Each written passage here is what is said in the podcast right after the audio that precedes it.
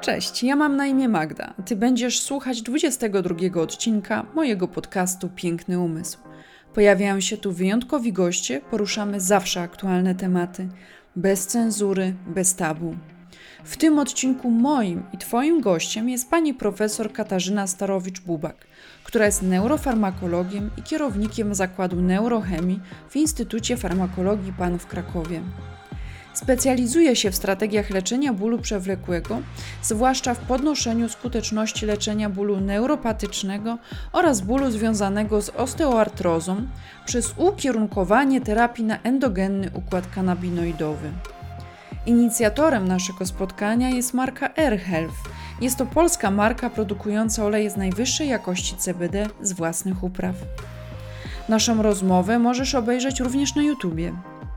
W tym odcinku na samym początku wyjaśniamy, czym jest CBD, o którym słyszymy z każdej strony, o tym, jakie jest jego wykorzystanie lecznicze, czy są badania naukowe, które potwierdzają działanie kanabinoidów, jakie są przeciwwskazania stosowania, ale również tego, czego możemy się spodziewać, jakich efektów, po jakim czasie, jak dozować olejek i produkty CBD ale wspomnimy również, e, jaki olejek wybrać i na co zwrócić uwagę przy zakupie.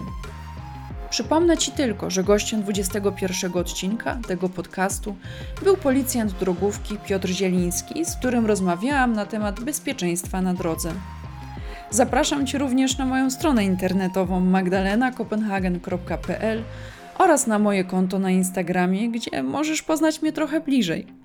Serdecznie zapraszam do słuchania. Dzisiaj mam wyjątkową przyjemność gościć u siebie panią profesor Katarzynę Starowicz. Dzień dobry, Magdo. Będziemy rozmawiać na temat, który bardzo często jest poruszany w mediach społecznościowych.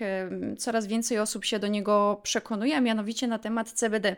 Ale też przyjrzymy się temu tematowi troszkę z innej strony, z takiej strony badawczej. Przez to, że ja pracuję jako psychoterapeutka, też polecam swoim pacjentom olejki CBD. Dlatego jestem bardzo ciekawa, jak to wygląda ze strony naukowej. Ale zacznijmy może od początku. Czym jest w ogóle CBD? Dla tych osób, które jeszcze nie wiedzą, bo słyszą, ale nie wiedzą do końca. E, no więc CBD jest e, naturalnie występującym związkiem roślinnym, e, fitokanabinoidem, czyli związkiem należącym do grupy kanabinoidów i jest jedną z ponad 130-140 scharakteryzowanych substancji, które występują w konopiach. A tak jak powiedziałam, jest to związek pochodzenia naturalnego i obok y, drugiego, o ile nie pierwszego, najbardziej znanego kanabinoidu, czyli THC, y, jest najlepiej poznany. Najlepiej te, te, dwa związki, czyli THC i CBD, są najlepiej poznane, najlepiej scharakteryzowane, najlepiej przebadane z całej grupy kanabinoidów. CBD został odkryty mm, w 1940 roku e, przez Adamsa i później bardzo długo był jak gdyby zapomniany, to znaczy nikt się nim nie interesował. Aż do roku 1963, kiedy tak naprawdę ojciec badań kanabinoidowych, e, Rafael Meshulam, e, wyjątkowy naukowiec z Izraela, scharakteryzował właśnie e, po kolei związki, które występują w konopiach i w 1963 roku scharakteryzował pełną strukturę CBD, a rok później e, opisał strukturę chemiczną THC.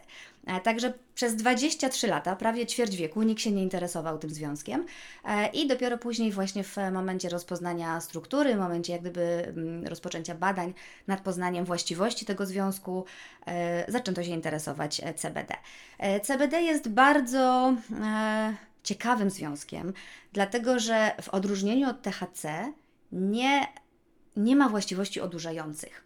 E, głównie dlatego, że nie aktywuje w klasyczny sposób receptorów kanabinoidowych, czyli receptorów CB1 i CB2, głównie CB1, które są odpowiedzialne za efekty psychotropowe e, czy psychoaktywne e, efekty działania THC.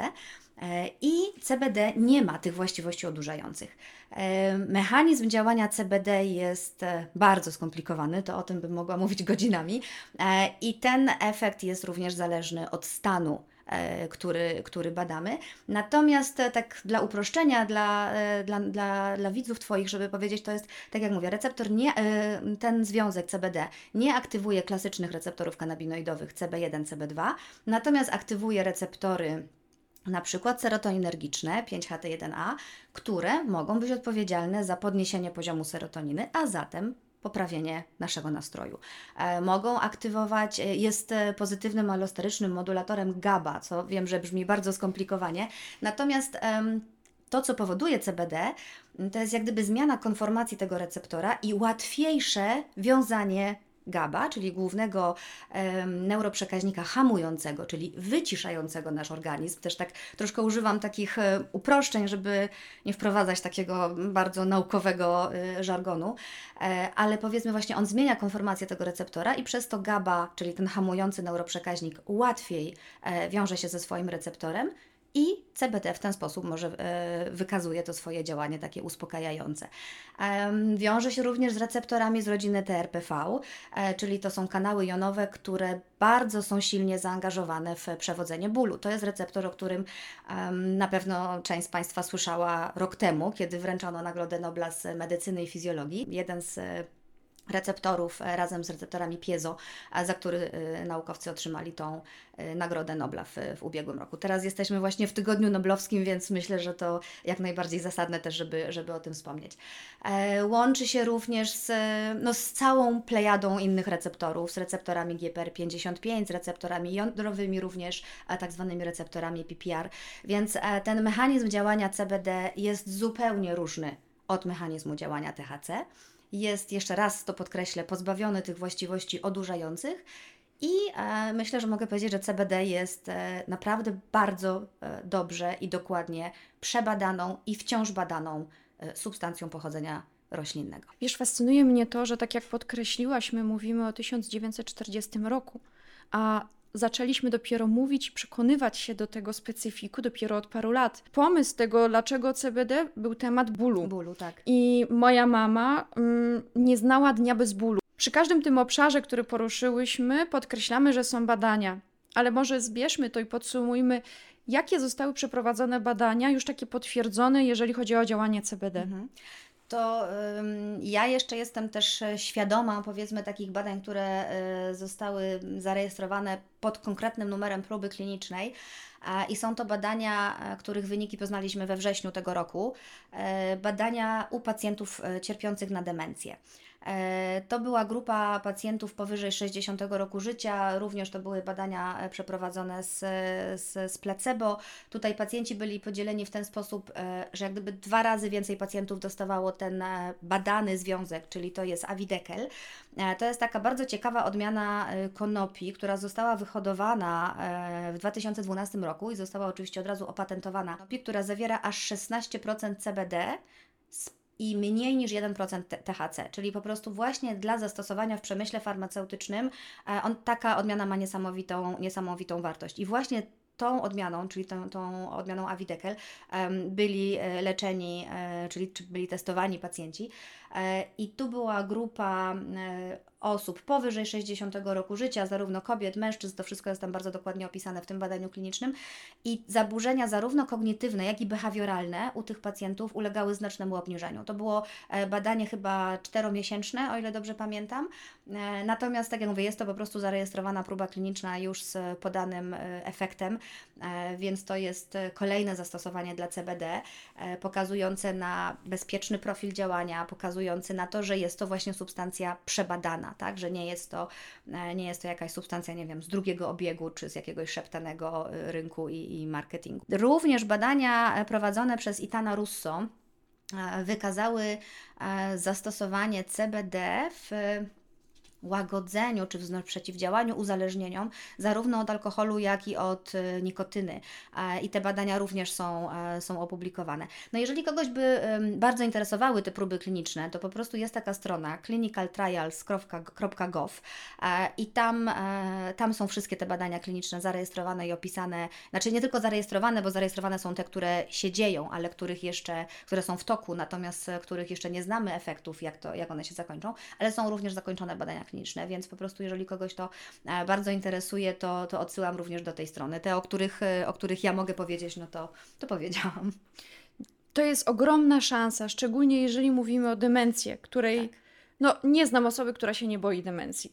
Spójrzmy prawdzie no, albo gdzie ktoś z naszych e, już bliskich nam osób, tak, z kolejnego pokolenia starszego od nas, nie cierpi na demencję. To jest też bardzo jak gdyby z rozwojem, rozwój medycyny niesie za sobą niesamowite, e, niesamowite osiągnięcia i żyjemy dłużej. Tak? Średnia wieku się wydłużyła bardzo, bardzo znacząco w stosunku do tego, co było 50 lat temu. Natomiast ważne jest, żeby z wydłużeniem, długo, z wydłużeniem wieku e, i, i, czasu, jaki spędzamy na Ziemi, żeby również jakość tego życia była odpowiednia, tak? Więc e, no po prostu każdy z nas na pewno spotkał się z, w swojej rodzinie z pacjentem z demencją, z demencją i wie, z demencją starczą e, i wie, jakie, jakie jest to uciążliwe dla wszystkich, dla otoczenia, dla rodziny, więc no to, to badanie, tak jak mówię, opublikowane na początku września 2022 roku stwarza bardzo dużą nadzieję dla zastosowania CBD. To znaczy nie samego CBD, tylko powiedzmy właśnie tej specjalnej odmiany o bardzo wysokim stężeniu CBD, a zaniedbywalnym stężeniu THC.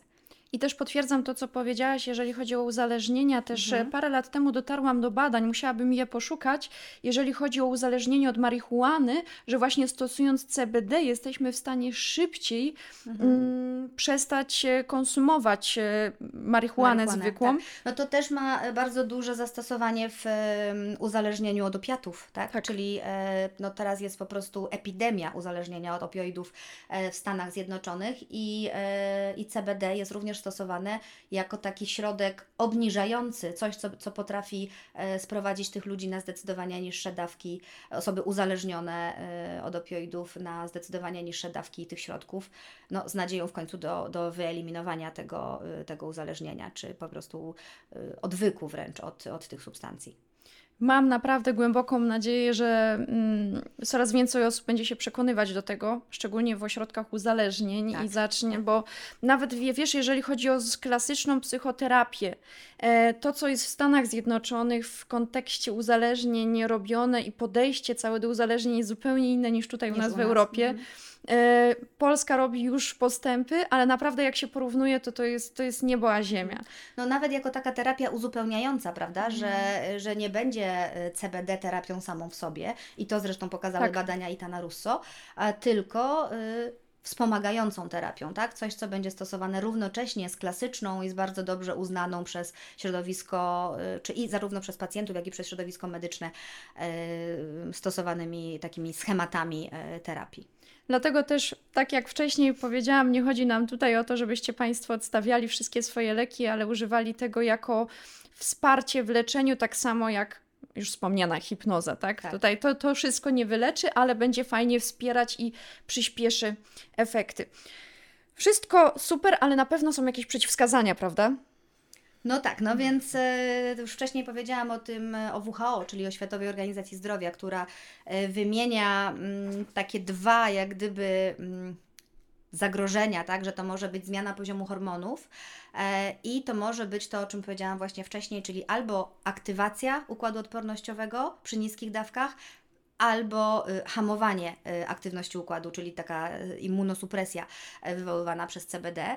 Mm, ale może jeszcze zanim o tym, to jeszcze z takich e, powiedzmy klasycznych objawów, które mogą się przydarzyć, e, to jest takie uczucie oszołomienia, może być uczucie zmęczenia, e, może być lekkie obniżenie ciśnienia krwi i może być suchość w ustach. Natomiast to wszystko u pacjentów zdarza się przy dawkach powyżej 1000 mg. A zwróć uwagę, że te badania, o których do tej pory rozmawiałyśmy, wydaje mi się, że ja nie powołałam się tutaj na badania stosujące dawkę wyższą niż 600 mg, tak? tak? Oscylowaliśmy 25, 175, 300, 600, więc e, te efekty uboczne pojawiają się przy tych znacznie wyższych dawkach. E, suchość w ustach ma swoje zupełnie um, naukowe uzasadnienie. Po prostu receptory kanabinoidowe, do których CBD nie jest specyficznym, jednak jest agonistą, zlokalizowane są w śliniankach.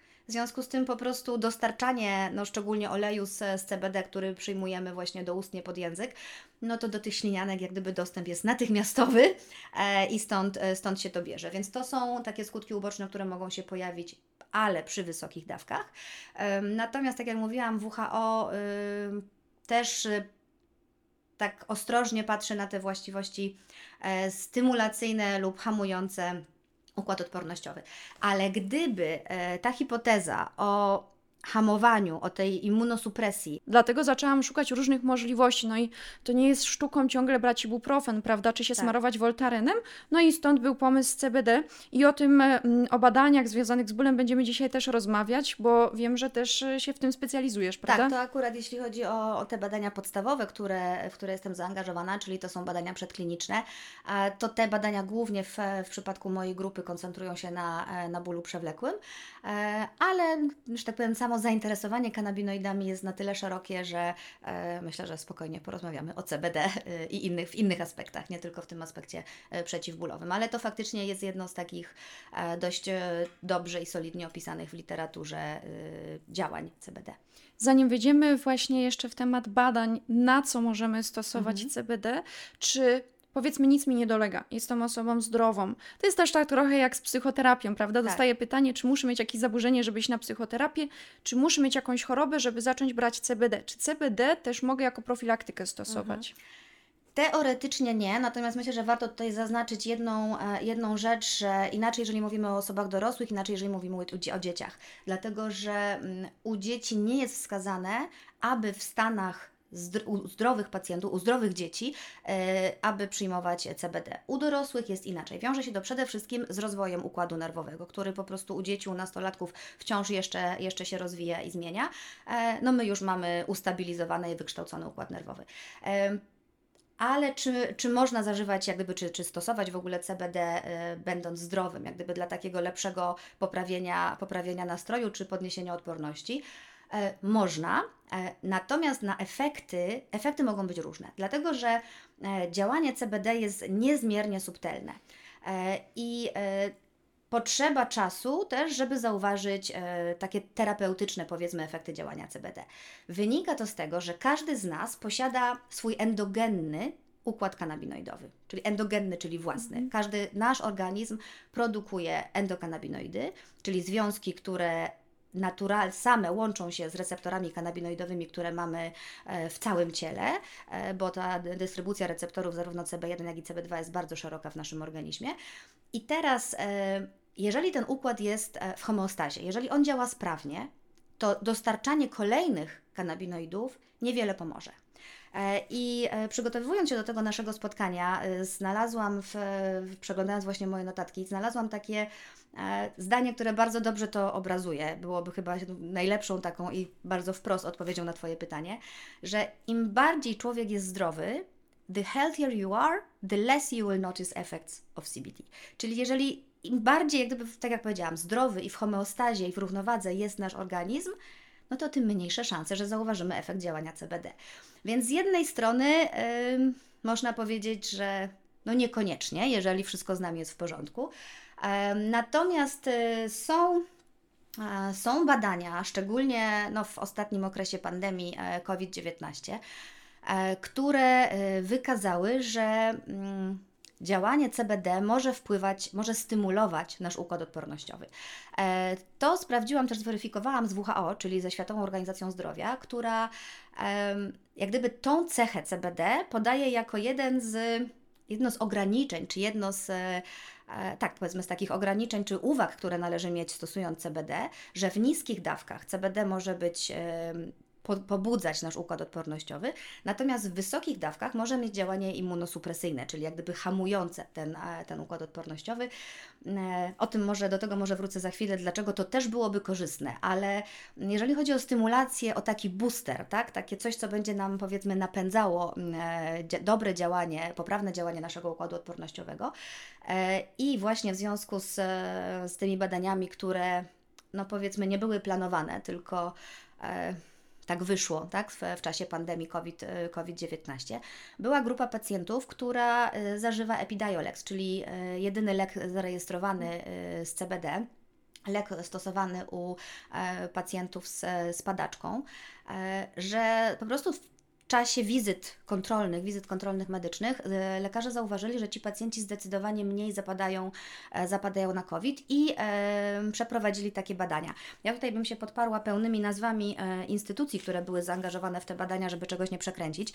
E, to jest raport opublikowany na stronie NIH-u, czyli Narodowego Instytutu Zdrowia w Stanach Zjednoczonych i te badania były koordynowane przez Narodowy Instytut Alergii i Chorób Zakaźnych, Narodowy Instytut Raka, Narodowe Centrum Zaawansowanych Nauk Translacyjnych. Te badania na, na, na pacjentach e, wykazały po prostu mniejszą zapadalność, tak? Oczywiście jest to pojedyncze badanie, e, nie, niepowtórzone jak gdyby w jednych i e, w jednym układzie eksperymentalnym, jak gdyby tak zwany experimental setting, tak? czyli to, to była ta konkretna grupa pacjentów. Natomiast jest to jakaś, jakaś wskazówka. Naukowcy, badacze, mm, mówiąc tak e, kolokwialnie, podchwycili ten temat i przeprowadzili takie badania. E, I e, no, grupa właśnie profesora Rafaela Meszulama między innymi też była w to zaangażowana i oni w, niestety nie potwierdzili tych, tych wyników. Tutaj pacjenci dostawali 300 mg CBD dziennie, natomiast ten artykuł, który który jest w tej bazie medycznej PubMed, kończy się z takim podsumowaniem, że być może zastosowano zbyt niską dawkę e, w tym badaniu klinicznym, więc jak gdyby e, nie przekreśla to szansy, bo jednak tam to było zauważone, te, te badania w Stanach były zauważone u, u, u pacjentów i, i są udokumentowane całą właśnie e, dokumentacją medyczną, która, która towarzyszy tej, tej próbie. Natomiast te badania, nie, nie, kolejne badania tego jednoznacznie nie potwierdziły, wskazując na pewien potencjał. Ale pojawiły się również nie tak dawno, czyli w 2022 roku. To mamy e, pracę z 23 lutego 2022 roku. E, ale są to badania eksperymentalne, co też jest ważne, żeby, e, żeby to mm, podkreślić, że nie są to badania już te końcowe, czyli nie jest to próba kliniczna, tylko są to badania eksperymentalne na liniach komórkowych, na liniach komórek płuc oraz na myszach zmodyfikowanych transgenicznie, które były traktowane, czyli i badania in vitro, i myszy dostawały CBD. I wyniki tej pracy bardzo mocno wskazują na potencjał, dlatego że na potencjał terapeutyczny CBD w podnoszeniu, czy jakby w stymulowaniu układu odpornościowego w walce przeciwko wirusowi SARS-CoV-2. E, tam wykazano, że mm, CBD oraz jego metabolit 7-hydroksy-CBD, natomiast już nie THC, bo to też było użyte jako, jako kontrola w, w tym badaniu, bardzo silnie blokował replikację wirusa SARS-CoV-2 po wniknięciu do komórki. E, on hamował ekspresję genów wirusa, i odwracał skutki, e, skutki działania tego wirusa. Tam również jest wyjaśniony mechanizm wskazujący na dużą rolę retikulu endoplazmatycznego. No może nie będę tutaj wchodziła w takie już bardzo molekularne i, i, i wewnątrzkomórkowe mechanizmy e, działania. Natomiast jest to, jest to taka praca, która wskazuje naprawdę na duży, na duży potencjał, natomiast e, tak jak powiedziałam wcześniej, no nie jest to jeszcze coś takiego, co byśmy mogli, e, co lekarz już, medyk mógłby zaproponować pacjentowi jako e, sprawdzoną, zarejestrowaną terapię. Ale to jest już jakaś nadzieja, prawda? I to są niesamowite badania. Bardzo się cieszę, że używasz tej medycznej terminologii, tak? ponieważ no, zobacz, jak jest hipnozą. Generalnie to są hipnoza, CBD, to jest wszystko takie jeszcze, no niby działa, nie działa, nie wiemy, potrzebujemy badań. Badań. Natomiast, tak jak mówię, to na razie jest e, hipoteza, jeszcze nie zweryfikowana. E, musimy chwilę poczekać i do pracy naukowcy. Tego, tego, nie wiedziałam i przyznam, bardzo mnie to zainteresowało. Aha. Sama zacznę czytać, bo zobacz, nawet e, Hashimoto. Tak. E, wszystkie, reumatoidalne zapalenie tak, stawów, prawda? Wszystkie te choroby, którymi właściwie ja też się zajmuję, czyli psychosomatyką i choroby wynikające tak. z naszej psychiki, e, to jest tak, żebym chciałabym powiedzieć wow. Dokładnie, więc no tutaj, tak jak mówię, mówię do kolegów i koleżanek naukowców, podwijajmy rękawy, zakładajmy fartuchy laboratoryjne, ale e, no są przesłanki, tak, ku temu. E, teraz należy to e, zweryfikować. Mhm. I właśnie wróćmy do tych przeciwwskazań mhm. naszych. Wiem na pewno, że na przykład trzeba uważać przy lekach przeciwzakrzepowych jak werferyna. Tak. Czyli są jeszcze jakieś badania, tak, no, które mówiliśmy, podys... mówiliśmy o tym e, obniżeniu ciśnienia krwi, tak? tak? Więc to też będzie, będzie z tym związane. No koniecznie trzeba powiedzieć, e, ale to też Ty wcześniej mówiłaś, że nie, nie zachęcamy do odstawienia leków i traktowania CBD jako takiego magicznego remedium na wszystko. Tylko e, jeżeli pacjent e, jest pod opieką Mhm. lekarza, żeby to skonsultować ze swoim lekarzem prowadzącym, bo tylko ten lekarz wie dokładnie, jaki wachlarz leków czasem, bo to, y, no jeżeli ktoś bierze tylko, nie wiem, Eutyrox na, na niedoczynność tarczycy, jakiś lek y, rany, prawda, y, w związku z tym, no to łatwiej jest określić interakcję pomiędzy jednym lekiem a CBD. Natomiast przy tym, jak, jak mamy pacjentów, powiedzmy, no, po 60-65 roku życia, no to po prostu można założyć, że tych e, leków jest więcej, bo tam może być i, i nadciśnienie, czy problemy z miażdżycą, tak, tak, że po prostu cały wachlarz tych, e, tych leków, które pacjent bierze. A 60% leków jest metabolizowanych w naszej wątrobie przez taki enzym, który ma nazwę cytochrom P450. A zupełnie sobie Państwo tym nie muszą zawracać głowy, ale po prostu jest taki enzym, który więcej niż połowę leków e, metabolizuje. I e, są dowody na to, że CBD może zmieniać e, tempo metabolizmu e, przez ten enzym. Czyli teraz albo ten enzym może, że tak powiem, szybciej działać, w związku z tym działanie leku będzie krótsze. Bo jeżeli lekarz wie, że na przykład lek ma e, czas e, półtrwania, nie wiem, 12 godzin, a w połączeniu z CBD ten lek będzie miał czas półtrwania 8 godzin, to wtedy dawkowanie u pacjenta powinno być inne, bo zabezpieczenie tego pacjenta, żeby to okno terapeutyczne działało i było skuteczne, no będzie po prostu krótsze. Może być też inaczej. Może spowolnić działanie enzymu, tego cytochromu P450, no i wtedy efekt leku będzie dłuższy, tak? Więc e, to jest coś, o czym koniecznie musimy pamiętać e, w, w takie interakcje, interakcje lekowe, natomiast e, od, tego, od tego jest lekarz prowadzący i to jest właściwa osoba do, do podjęcia takich decyzji.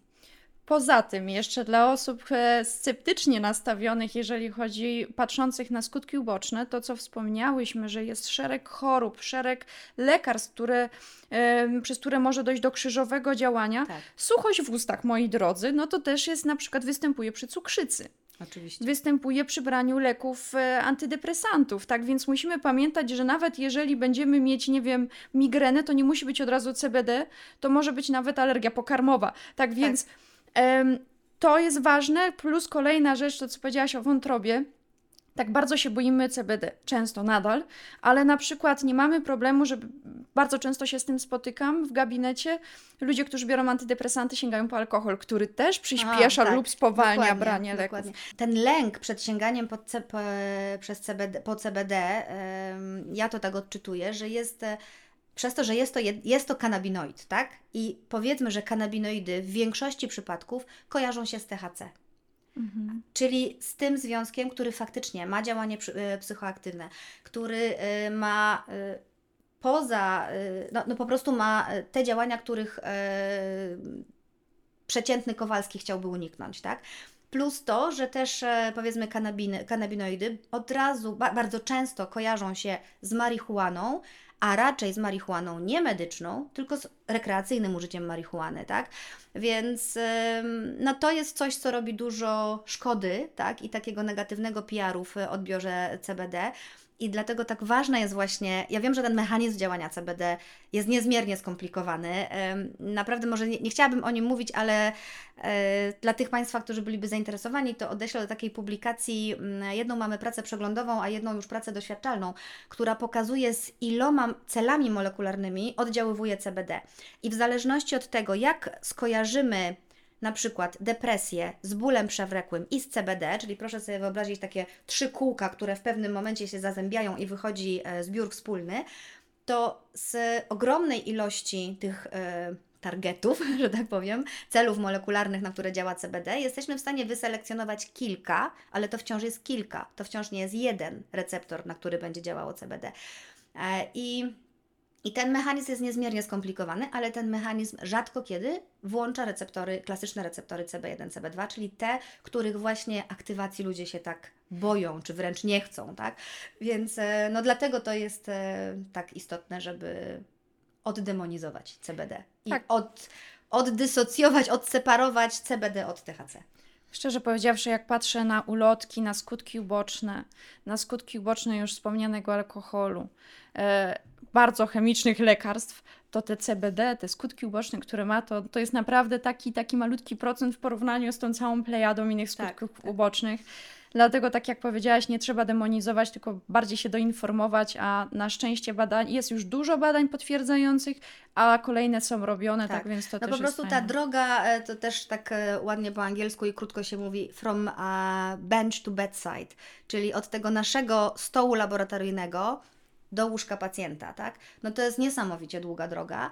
E, I, a kanabinoidy są stosunkowo niedawno, po, znaczy same kanabinoidy w historii ludzkości są od dawna, natomiast, e, bo to już mamy e, i Asyryjczyków, Egipcjan, Greków, e, antycznych Rzymian, oni wszyscy używali e, i znana już była oczywiście marihuana, natomiast chodzi mi o to, od kiedy poznaliśmy naukowe dowody na to, że takie receptory istnieją, że e, e, istnieje układ endokannabinoidowy, to wszystko, to jeszcze nie mamy 100 lat odkrycia tego, tak? To jest, tak jak mówię, ten 1964 rok THC i CBD, receptory dla kanabinoidów to jest bodajże 91, 92, układ kanabinoidowy, także to po prostu generalnie dopiero pod koniec, tuż przed 2000 rokiem poznaliśmy tak naprawdę pełniejszy obraz, jak ten układ wygląda.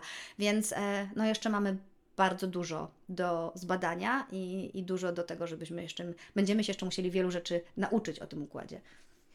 Poza tym, co wspomniałyśmy, myślę, że warto podkreślić, tak jak e, przy innych e, czy lekach, czy e, środkach, że w sytuacji, gdy jesteśmy w ciąży lub karmimy piersią. Dlatego tak. też ja jestem zwolennikiem badań, niezależnie co robię, też staram się łączyć te konwencjonalne z niekonwencjonalnym, popierając się badaniami. To, że jest na odporność CBD, to też już wiele lat temu czytałam właśnie w amerykańskich badaniach, a propos tak, badań. Tak.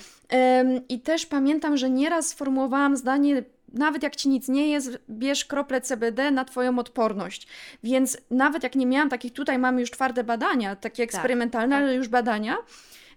Nie ukrywam, jak słuchałam Ciebie, pomyślałam, dobra, mam jakieś CBD, jakieś krople w domu, zaraz po rozmowie zacznę je brać, tak. no, bo jest jesień. Szczególnie teraz, tak, no akurat powiedzmy, że, że dziś mamy piękny jesienny dzień i te kolory liści na drzewach to aż optymizmem napawają aczkolwiek szkoda, że już się lato skończyło. Natomiast e, no, jesień ma to do siebie, że będziemy mieć e, piękne babie lato przez no, oby jak najdłużej, ale później przyjdzie plucha i, i takie właśnie dni, które będą zdecydowanie sprzyjały temu, czy, czy bardziej um, będzie więcej infekcji, tak, więcej, e, więcej przeziębień, katarów i, i takiego też gorszego samopoczucia.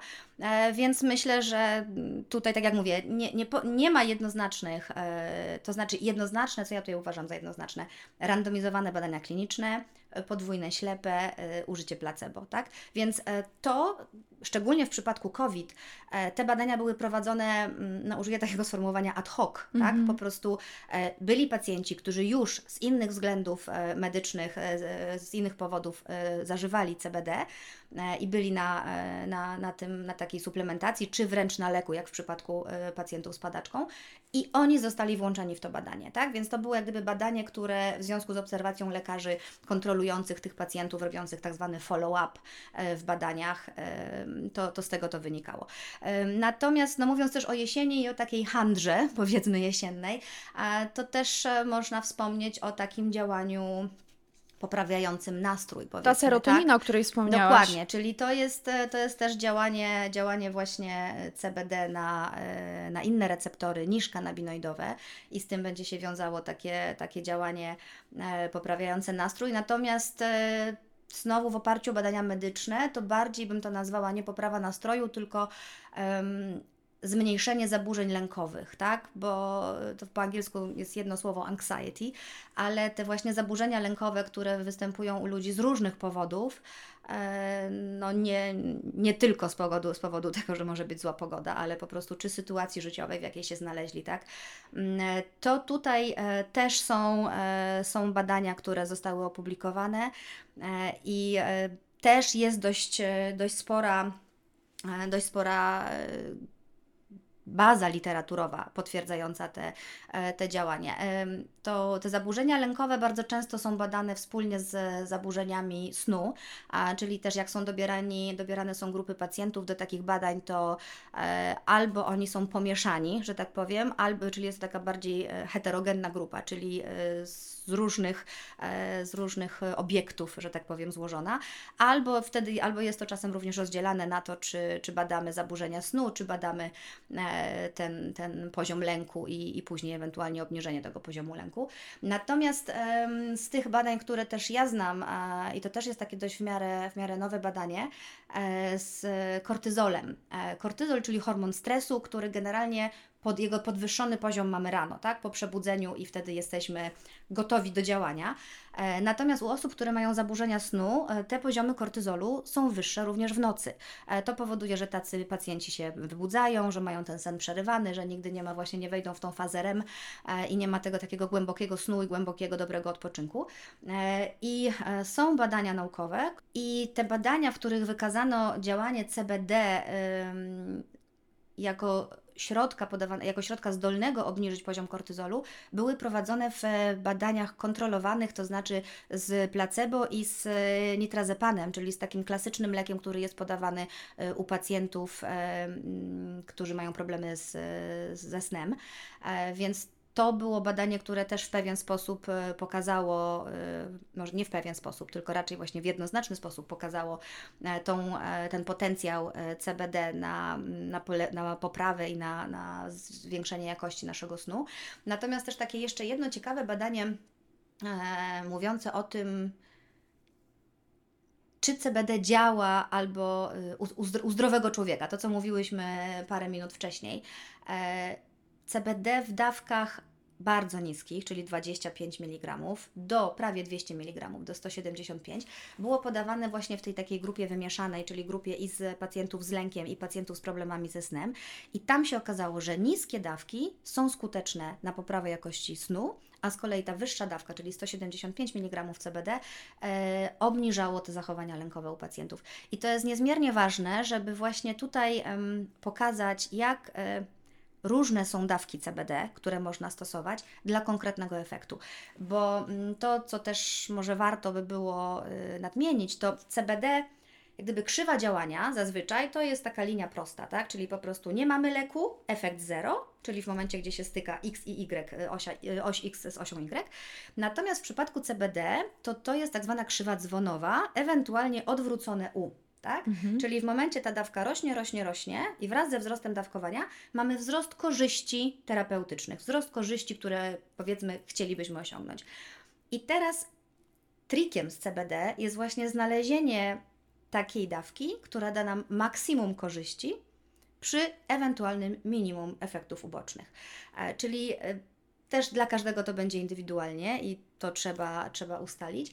Natomiast tu właśnie to badanie bardzo e, no, fantastycznie wykazało te różnice, różnice w dawkowaniu w zależności od schorzenia, czy w zależności od problemu, e, z którym mamy do czynienia. Wspomniałaś o zaburzeniach lękowych. Tutaj taką pod, odczułam potrzebę podkreślenia, że nie chodzi o to, żeby nagle odstawiać swoje leki przepisane Oczywiście. od psychiatry, tylko tutaj e, CBD jest jako wspierający środek, a nie tak. zastępujący wszystkie lekarstwa medycyny konwencjonalnej. Kiedy nie jest zalecane stosowanie CBD. E, I tutaj się odniosę do FDA, czyli tej agencji e, zatwierdzającej, amerykańskiej agencji zatwierdzającej leki w Europie to jest EMA, jak gdyby odpowiednik takiej, takiej agencji. I e, mimo, że dużo więcej badań na negatywny wpływ e, zarówno na, na rozwój płodowy, e, jak i później w, w czasie karmienia piersią na rozwój tych dzieci dotyczy nawet medycznej marihuany, czy też nawet tej rekreacyjnej, a nie samego CBD, to jak gdyby te badania są przełożone, to znaczy jest po prostu założone, że podobny efekt może wywołać CBD i nie jest zalecane, tak? Czyli po prostu ten okres rozwoju płodowego, który jest niesamowicie wrażliwy na jakiekolwiek zmiany e, i właśnie okres rozwoju noworodkowego tu na pewno jest, e, nie jest zalecane wtedy stosowanie CBD. E, tak jak mówię, więcej wiemy, jeśli chodzi o, o, o stosowanie marihuany, czyli niższa masa urodzeniowa tych dzieci, e, słabiej rozwinięte płody, przedwczesny poród. No, w niektórych w takich skrajnych wypadkach też były, były doniesienia o urodzeniu martwych dzieci, mhm. więc no, tu jest jak gdyby cała dokumentacja medyczna, ale bardziej pod kątem pod kątem marihuany. E, z tych badań, do których ja dotarłam odnośnie CBD, to były badania, ale na zwierzętach, e, czyli nie, nie takie badania kliniczne, o których tutaj głównie rozmawiamy, ale w tych badaniach wykazano, że CBD y, upośledza rozwój gonad płciowych u, y, sam, u samców, tak? u, u płci męskiej, więc No, zdecydowanie jest to czas, kiedy należy unikać e, stosowania kanabinoidów. Myślę, że możemy powiedzieć po prostu ogólnie kanabinoidów. A to, co dotyczy stricte mojej e, działki działania i moich odbiorców, co może zainteresować temat chorób psychicznych. Czy są Mhm. już jakieś badania w tym kierunku? Są badania i to nawet e, na takich dość sporych grupach typu ponad tysiąc pacjentów, e, natomiast e, ja nie dotarłam do takich jednoznacznych badań, że na przykład, że nie ma przeciwwskazań, tak? Bo no, choroby psychiczne to jest bardzo trudny obszar. I, no i myślę, że znowu właśnie psychiatra prowadzący to jest ta osoba, która powinna, powinna podjąć decyzję o możliwych korzyściach, jak gdyby rozważając zarówno korzyści, e, jak i ewentualne e, negatywne skutki, które mogą, mogą być z tym związane, co jest jak gdyby ważniejsze dla, dla, dla pacjenta, tak? No bo to mm, może takie nie do końca fortunne e, porównanie, ale no na przykład pacjenci terminalni, tak? Czyli pacjenci w hospicjach. Tutaj też musimy wziąć w pewnym momencie e, jak gdyby jakość godnego umierania na, ponad to, jakie my leki podamy tym pacjentom, tak? Czyli to, że na przykład bardzo silne opioidy mogą powodować seda, sedację, zaparcia, no całą masę e, tych niepożądanych skutków, tu lekarz musi po prostu podjąć decyzję, co jest większą korzyścią, tak? Tak jakby, no przepraszam, że w taki bardzo trudny temat akurat to porównałam, natomiast e, no, choroby psychiczne też są coś do, dość takim e, bardzo jednostk- zależnym od jednostki e, musi być podejście do, do traktowania pacjenta. Ale tak jak mówię, w tych, w tych badaniach literaturowych, do których ja dotarłam, łatwiej byłoby mi mówić o lęku, czy o tym takim mm, tym anxiety, takim, e, czy też o wyizolowaniu społecznym, powiedzmy tak jest, bo tutaj na przykład, no wiem, że były takie badania w Japonii prowadzone na grupie nastolatków, które po prostu były tak socjalnie, czyli społecznie wycofane, tak? Taki właśnie e, pewien poziom, e, no w jakiś sposób właśnie autyzmu, tak? Po prostu wywołany też może technolo- rozwojem technologii i, i mediami społecznościowymi. I tutaj e, CBD, nie pamiętam teraz jaka to była dawka, ale też, też mogę znaleźć szybciutko odnośnie do, do tej literatury. Tam e, wykazano w dwóch różnych e, badaniach, znaczy gdyby badanie było jedno, tylko dwie skale e, następnie lekarze użyli do oceny tego, czy przyniosło poprawę, czy nie, i w obu użytych skalach CBD versus placebo miało korzystne efekty. Także łatwiej mi się jest wypowiadać na temat tych, takiego mental health, powiedzmy, takiego well-being, e, niż chorób e, psychicznych po prostu samych z siebie. I też dopóki nie mamy takich e, badań, nie mamy czarno na białym, byłabym ostrożna na pewno w sytuacjach psychos lub Mhm. e, bardzo ciężkiej depresji. To tak samo jest na przykład, jeżeli chodzi o samo THC, gdzie badania są, potwierdzo- Tak. potwierdzają, że może pogorszyć stan pacjenta, a przy CBD na przykład przy zaburzeniach lękowych może poprawić. Mhm. Ale też takie, to teraz to jest tylko moje zdanie, mam wrażenie, że na nie takich cię, przy ciężkich przypadkach, wtedy to Przypadkach, już tak. właśnie już jest lekarz, psychiatra i wspólna decyzja, co robimy. Dlatego jeżeli e, nas słuchacie teraz, to mm, warto bardzo jednostkowo podchodzić do tego tematu. E, Z tego względu, że e, lepiej skonsultować z lekarzem, z osobą prowadzącą nas, niż samemu eksperymentować na sobie. Dokładnie. Jeżeli mamy wątpliwości i na przykład e, cierpimy na jakieś zaburzenie psychiczne. Tak, no i jeszcze pamiętajmy o tym magicznym cytochromie P450, że no również w przypadku tych chorób psychicznych tu też będzie, może zajść jakaś interakcja z lekami, więc nic na własną rękę. A teraz tak z bardzo przyziemnych tematów. E, Nie wiem, czy jeździsz samochodem. Ja jeżdżę samochodem. Wiele osób, które nas słucha, jeździ samochodem. I tutaj powstaje pytanie, czy ja mogę jeździć samochodem, em, skorzystając z CBD i jak zostanę zatrzymana, będę miała test narkotykowy zrobiony, czy coś będzie wykazane. Jak to jest? No tutaj nie da się odpowiedzieć takim prostym tak lub nie, że to zostanie wy, wykryte w teście lub nie, bo to będzie zależało e, przede wszystkim od e, jakości oleju, e, który, oleju z CBD, e, który e, akurat ten kierowca stosuje. E, może nawet nie tyle od, znaczy od składu, nie od jakości, od jakości również, bo ważne, żeby stosować e, najwyższej jakości oleje, ale od składu. Dlatego, że w, zgodnie z tą ustawą przeciw, o przeciwdziałaniu narkomanii e, w Polsce dopuszczalne stężenie THC w produktach wynosi 0,3%. E, I teraz, jeżeli w czasie ekstrakcji, e, czyli izolowania e, kanabinoidów z, z konopi, mm, producent zostawia śladowe ilości THC, czyli to może być, nie wiem, 16 setnych, to wszystko, co będzie poniżej tych 0,3%, to wtedy nie możemy mieć pewności, że taki test narkotykowy nie wykryje. Dlatego, że testy wykrywają nie tylko THC, ale pochodne.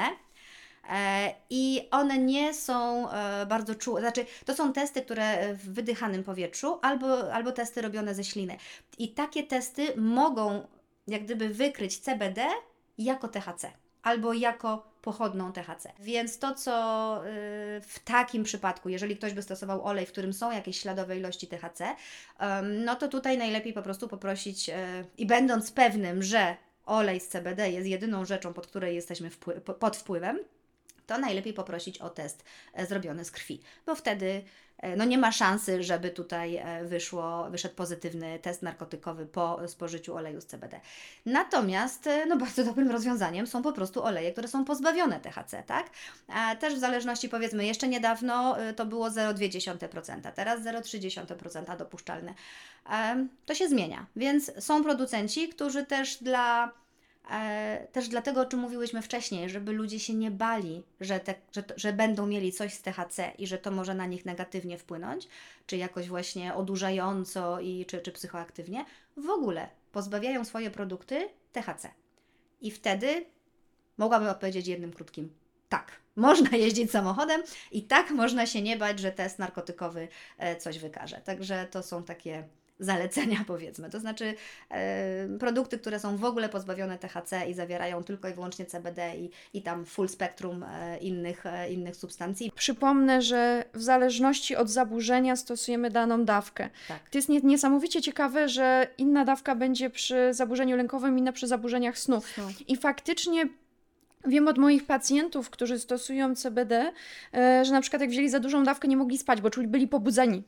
Więc to, to też jest... już wiemy dlaczego. Tak, to jest, ja to jest bardzo mogę ciekawe. zostawić oczywiście odniesienia do tych, do tych badań naukowych, to są a, wszystko prace opublikowane bardzo w, chętnie, w tej bazie po, medycznej PubMed, tak? Jak, jak najbardziej to też jak gdyby, znaczy nie jak gdyby, to zwiększa wiarygodność e, tego, o czym, o czym rozmawiamy, tak? Każdy sobie będzie mógł zajrzeć i e, zapoznać się z, z tymi badaniami. Co do dawkowania, to też e, sama tego doświadczyłam, tak jak wspominałam Ci wcześniej, że na mnie na przykład małe dawki nie działają, co jest niesamowite, bo 5 Powiedz mi też, jestem ciekawa dla osób, które nie wiedzą, jak my mówimy 200 mg, to mhm. jest 2% czy to jest 20%? Jak to jest e, no to wszystko zależy, jaką mamy, e, jaki mamy podane miligram na mililitr, prawda? Więc to e, należy też indywidualnie, może nie, że indywidualnie, ale w zależności od producenta, najlepiej jest się po prostu z.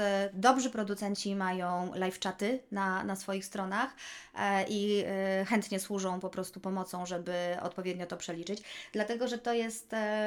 no tak trochę przeskoczyłyśmy do tego dawkowania, ale myślę, że to też bardzo ważne, żeby powiedzieć, że żadnej substancji, no już nie mówiąc o lekach, nie dawkujemy w kroplach, nie dawkujemy w łyżeczkach, e, czy nie wiem, w szklankach, to już oczywiście e, trochę parafrazuję. Natomiast nie dawkujemy żadnego leku w kroplach, nie dawkujemy właśnie w miarkach, w łyżeczkach.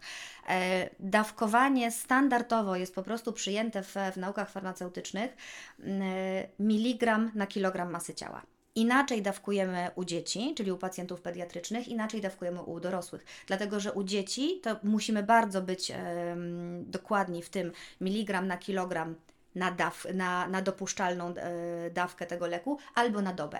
Natomiast e, u dorosłych standardowo e, dawka jest przeliczona na osobę, która waży 70 kg, więc jak gdyby dlatego u dzieci ta waga jest taka niezmiernie ważna, bo mamy innego pacjenta w wieku lat 2, innego w wieku lat 10, inna waga tego, tego dziecka. Natomiast dla dorosłych wszystkie leki są wystandaryzowane na, na te 70 kg, co też należy mieć na uwadze, no bo jeżeli mamy jakąś, nie wiem, bardzo wątłą, szczupłą osobę, albo osobę z otyłością na przykład, no to wtedy y, też będzie, będzie wymagało to innego dawkowania. Ale to są powiedzmy pojedyncze przykłady. Ogólnie każdy lek jest podawany właśnie w miligramach y, leku, na tą wagę 70 kg.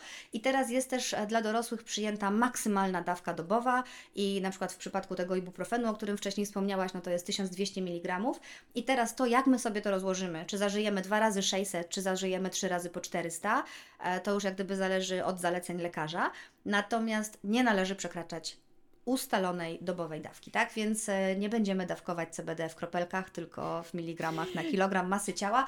I e, no takie bezpieczne, e, bezpieczny zakres działania to jest między 1 a 6 miligramów na kilogram.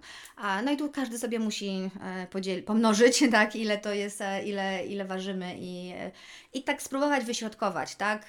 Nie zaczynać może od najwyższej dawki, może zacząć gdzieś od środka, można też od najniższej, bo tak jak, jak mówiłyśmy chwilkę wcześniej, e, te niskie dawki zależy po prostu z jakim problemem, na jaki problem e, ma być remedium, CBD ma być remedium. To było dla mnie bardzo ważne, żebyśmy o tym powiedziały, z tego względu, że spotkałam się właśnie z określeniami na przykład 20-30%, potem inny producent mówi 1200 mg i biedny człowiek siedzi przed tym Tak. komputerem i zastanawia się, o co tutaj tak naprawdę Mhm. chodzi.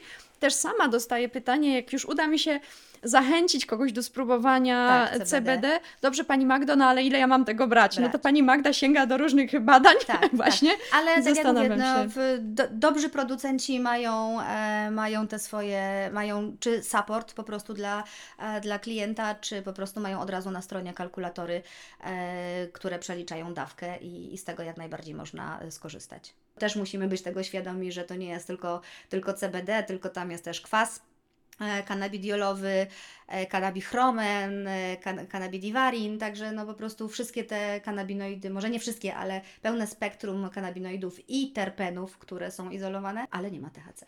Bardzo byłam ciekawa, co powiesz właśnie, z tego względu, że mam wśród swoich znajomych wielu mundurowych, z którymi współpracuję, ale też są moimi pacjentami. I znowu tutaj jest, pojawia się temat, e, a może spróbujesz CBD? I dostawałam bardzo często pytanie, no ale dobra, ale jak będę mieć test, czy zostanie to wykryte? Kiedyś padłam na pomysł, ja mówię, słuchaj, to ja się sama przetestuję. Sami się przetestujmy, Tak, dokładnie. tylko tyle, że zapomniałam o takiej rzeczy, że przecież mam inny metabolizm.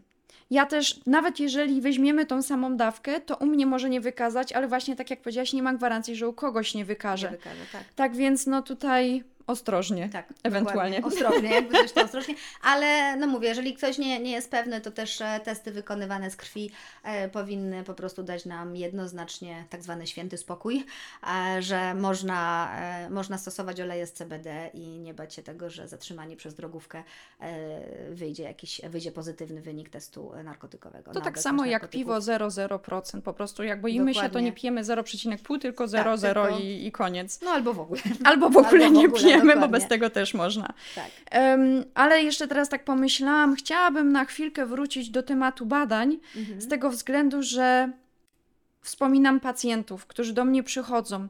Nie ukrywam, że jednym z tematów, który skłonił mnie właśnie do sięgnięcia po CBD, to właśnie temat mojej mamy, czyli bólów chronicznych i wiem, że właśnie tymi badaniami się zajmujesz. Czy chcia, zechciałabyś opowiedzieć coś więcej o tych badaniach? To też tak, my się zajmujemy e, samymi badaniami CBD, zajmujemy się od niedawna, to znaczy e, dopiero zaczynamy się nimi zajmować, dlatego że dostaliśmy projekt, e, tak zwany grant, czyli finansowanie zewnętrzne na wpływ CBD na zdolności kognitywne u pacjentów, w naszym przypadku są to e, zwierzęta laboratoryjne, u pacjentów z bólem przewlekłym, e, czyli z bólem neuropatycznym. To są takie bóle, które e, są niezmiernie trudne do leczenia. Nie ma na, na ból neuropatyczny, nie ma jednego, mm, e, jednego lekarstwa, które, które by zadziałało. Tak naprawdę w gabinecie lekarz musi po prostu przetestować no, całą baterię leków, którą ma i a nóż któryś trafi. Tak? To, jest, e, to jest ból, który się rozwija najczęściej po, e, po jakichś urazach, po operacjach, w momencie, kiedy tkanki organizmu są już zagojone, a ten ból nadal, nadal trwa. Taką klasyfikacją według IASP, czyli tego Międzynarodowego Stowarzyszenia Badania Bólu, e, jest e, ból, który będzie trwał powyżej 3 miesięcy. Czyli jeżeli już od zagojenia tkanek, od wyzdrowienia pacjenta minęło 3 miesiące, a ból nadal się utrzymuje, to taki ból właśnie jest klasyfikowany jako ból neuropatyczny. E, I w takim układzie eksperymentalnym będziemy, będziemy to badać.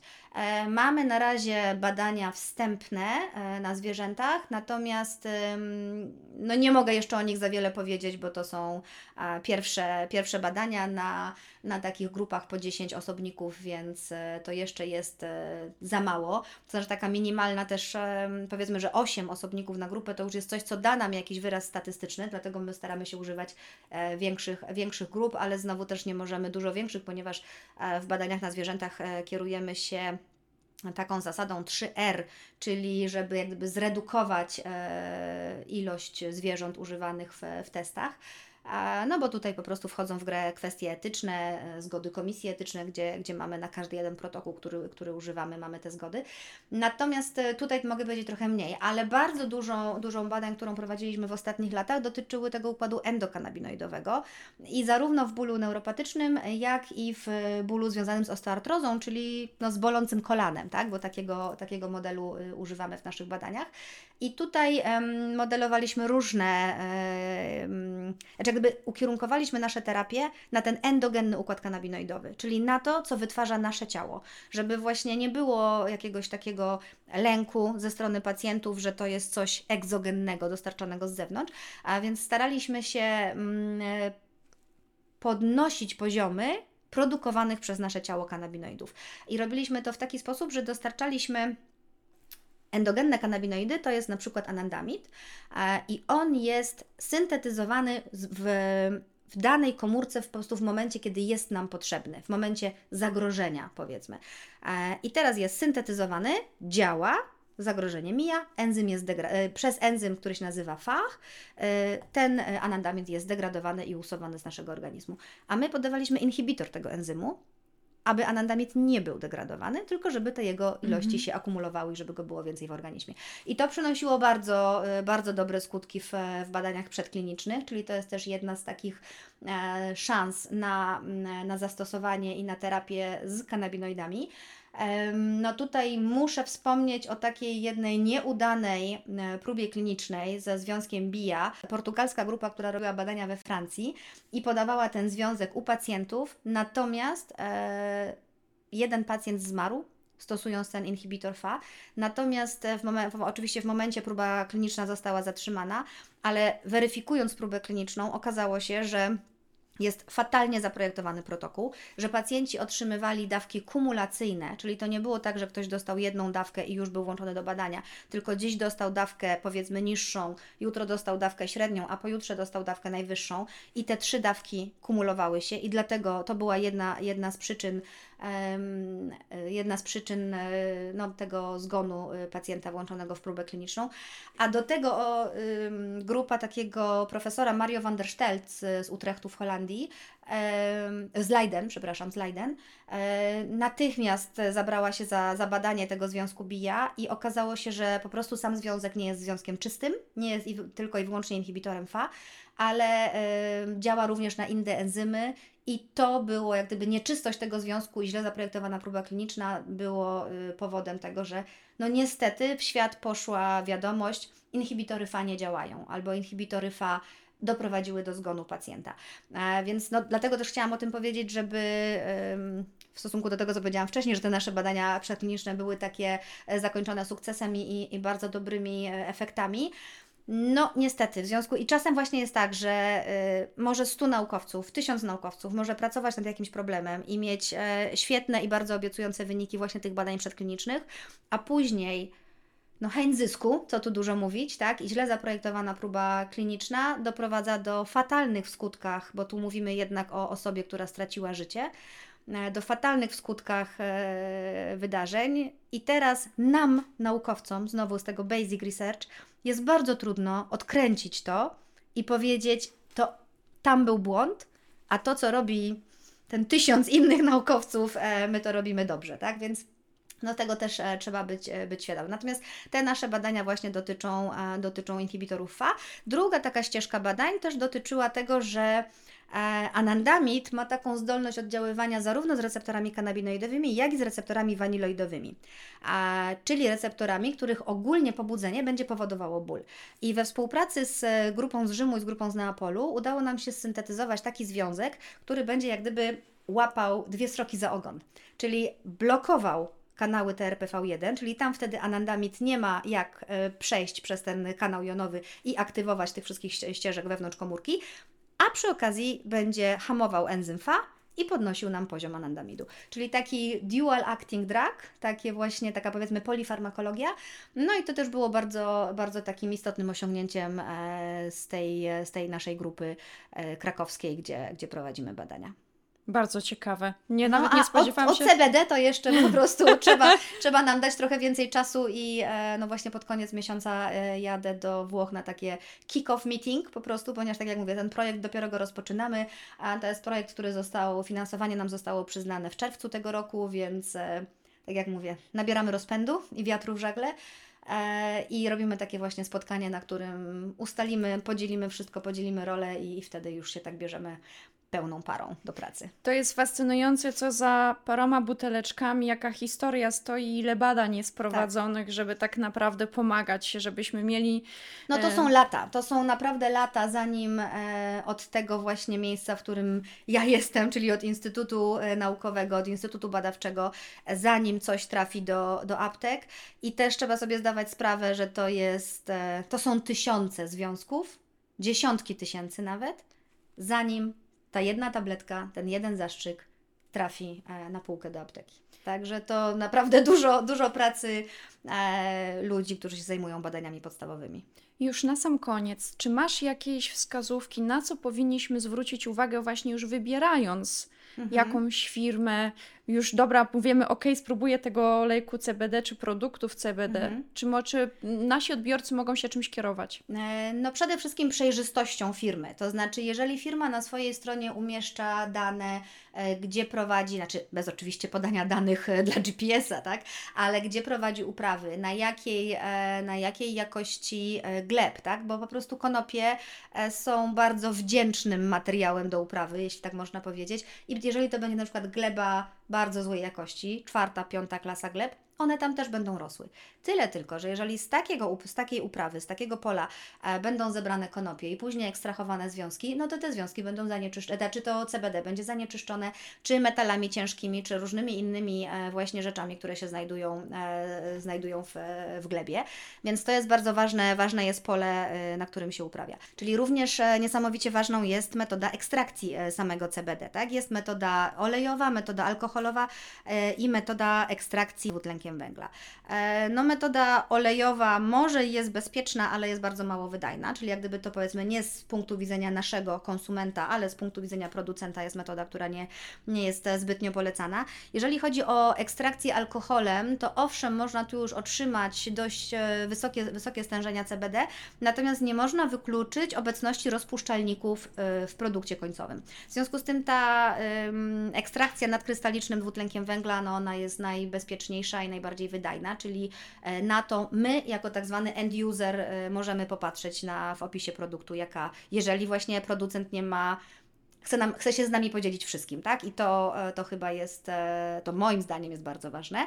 Mm, To, czy produkt zabiera właśnie full spektrum, to już też wcześniej o tym rozmawiałyśmy, że te kanabinoidy to nie będzie tylko THC, THC i CBD, ale pozbawienie produktu THC, co nam jako temu kierowcy, który ewentualnie może zostać zatrzymany przez drogówkę i poproszony o, o zrobienie, e, wykonanie testu y, narkotykowego, to już nam ułatwi życie czyli e, pozbawienie po prostu w czasie ekstrakcji, zupełnie wyeliminowanie THC, a e, pełny opis, e, jakie jeszcze kanabinoidy znajdują się w tej, e, w tej fiolce, w tym, w tym stosowanym przez nas produkcie, który, który zamierzamy kupić. No i niezależne badania, tak? czyli po prostu wysyłanie każdej końcowej partii produktu na etapie zakończenia całej produkcji z jednego zbioru, wysyłanie tego do niezależnych laboratoriów, nie prowadzenie tych badań sami dla siebie, bo wtedy one na pewno będą pozytywne i takie, jakie, jakie chcemy. To znaczy, nie mówię, że one powinny być negatywne, bo e, jeżeli ktoś przestrzega tych wszystkich standardów, to te badania też będą, e, będą dobre i, i poprawne. Natomiast e, no, zdecydowanie bardziej wiarygodne są badania obiektywne, czyli wysłanie do, do laboratoriów. No a już taką, powiedziałabym, wisienką na torcie jest zamieszczenie tych analiz, co no może nie każdy będzie tym zainteresowany, ale jeżeli właśnie jest świadomy odbiorca, który chce e, wiedzieć, jaki jest skład tego produktu, który będzie używał, e, no to jeżeli jeszcze producent zamieszcza taki certyfikat czy wyniki tych badań zewnętrznych na swojej stronie, no to tu się nie ma zupełnie czego obawiać i, i, e, i to tylko właśnie przemawia jak gdyby za taką transparentnością, jasnością i, i pokazaniem, e, z czym mamy do czynienia, tak? Co to, co to jest za produkt. Także myślę, że na takie rzeczy należy zwracać uwagę. To tak samo jak idziemy do specjalisty, czy nawet jak zachęcam, jak wybieramy psychoterapeutę, lekarza, psychiatrę, żeby sprawdzać kwalifikacje. Czyli Tak, weryfikujemy, to, po co weryfikujemy, sięgamy tak. albo do kogo idziemy. Dokładnie, dokładnie. Też chciałabym z góry tutaj podziękować Marce R. Health, dzięki której się tak naprawdę tutaj spotkałyśmy, bo jest inicjatorem tego spotkania. Zachwycili mnie tym, że właśnie stawiają na badania i psychoedukację. Nawet Tak, no taka na, na evidence-based medicine, prawda? To, co, e, o czym tutaj rozmawiałyśmy, to jest niesamowicie ważne, bo e, przy konopiach, przy kanabinoidach jest strasznie dużo e, takich e, podań, powiedzmy, to znaczy chodzi mi bardziej o, o podania z ust do ust niż podania w sensie administracja. E, i, I obrosło to w różne legendy i e, myślę, że właśnie takie odczarowanie e, i pokazanie, że za CBD stoją badania naukowe, stoi wiedza, Nie wszystko wiemy, jeszcze jest dużo do poznania i, i to starałam się podkreślić, że to, co wiemy, co jest udokumentowane, e, to o tym powiedziałam, natomiast tam, gdzie, e, gdzie jeszcze nie mamy tych jednoznacznych badań, e, to, no to mówimy, nie wiemy jeszcze, jak to zadziała, tak? Natomiast jest na pewno niesamowity potencjał, jest to substancja, która jest bezpieczna, która nie powoduje tych właściwości odurzających, nie ma właściwości odurzających. Chyba tyle. Jest to fantastyczne remedium. Nie możemy powiedzieć, że remedium na wszystko. Podchodzimy Oczywiście. do tego z pokorą, ale ciągle sprawdzamy, badamy. Ja sama stosuję od lat, e, moja rodzina stosuje, znajomi, tak więc e, na sobie sprawdziłam, że faktycznie to działa. Działa. Powiedz mi jeszcze na sam koniec, e, skąd w ogóle zainteresowanie tym tematem? A to tak e, trochę przypadek. E, to znaczy, ja wierzę, że e, w życiu, w konkretnym miejscu, w konkretnym czasie nie znajdujemy się bez, e, bez powodu, tak? To coś, coś nas w to miejsce ciągnie i e, byłam, zresztą było to w Warszawie, na takiej bardzo dużej międzynarodowej konferencji neurochemicznej, na której e, właśnie e, osoba, która wówczas była postdokiem, w, czyli kimś, kto po doktoracie wyjeżdża na staż naukowy, e, postdokiem w grupie profesora Vincenzo Di Marzo z Neapolu, e, prezentowała e, swoje wyniki. No i niesamowicie mnie zainteresowały i zaintrygowały te wyniki. To był właśnie wspomniany chwilę wcześniej Mario van der Stelt, e, obecnie no, niesamowicie utytułowany, utalentowany i bardzo, bardzo e, ukierunkowany na te badania e, kanabinoidowe e, naukowiec e, z Holandii. E, I Mario prezentował tam właśnie swoje wyniki i bardzo mnie to zainspirowało, bardzo mnie to zaciekawiło. A ja byłam na takim etapie, kiedy właśnie kończyłam doktorat i też chciałam gdzieś wyjechać, zdobyć to doświadczenie e, zagraniczne. No, Neapol. E, Pomyślałam sobie, że to jest dość specyficzne miasto. Słyszałam, że albo się kocha, albo się nienawidzi, że nie ma czegoś takiego pośrodku.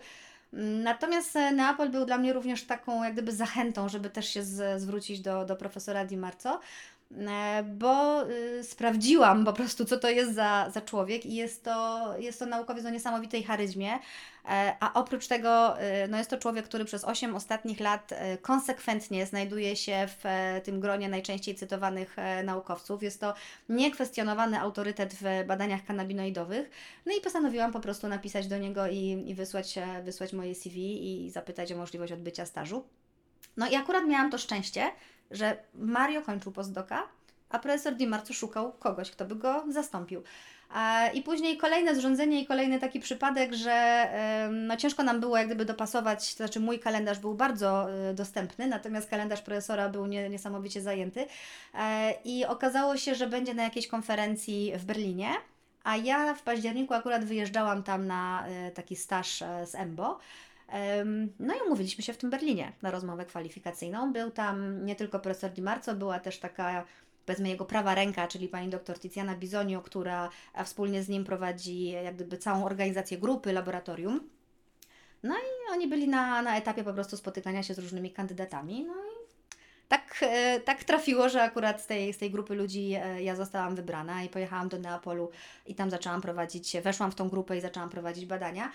No i to po prostu był niesamowity, niesamowicie intensywny, niesamowicie produktywny, e, fantastyczny czas e, w, w moim życiu.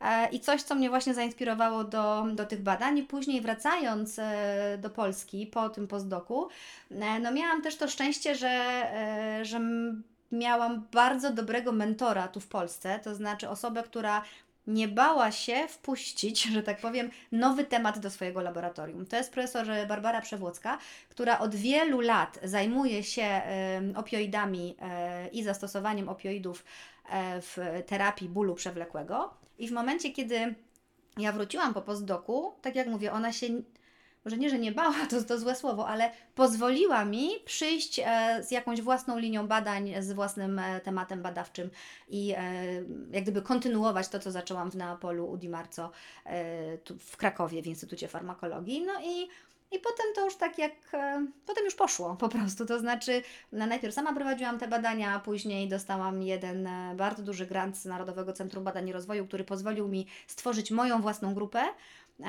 I po prostu no, miałam szczęście, że trafili do mnie niesamowicie utalentowani e, ludzie i z wielkim entuzjazmem do tego, do tego co robią. E, I wspólnie właśnie bardzo się nam, fantastycznie się nam pracowało przez kilka lat. No mówię, pracowało dlatego, że to jest tak trochę jak z dziećmi, że te dzieci ma się głównie nie dla siebie się je wychowuje, tylko dla innych. Czyli później każdy z nich też porobił doktoraty, gdzieś chciał się rozwijać, wyjechali ale po nich przyszli następni, tak? Czyli po prostu kolejna jak gdyby ja jestem takim tym stałym elementem w grupie, który się nie zmienia i który e, zabezpiecza i, środki finansowe na badania i e, myśli, co by tu nowego zbadać.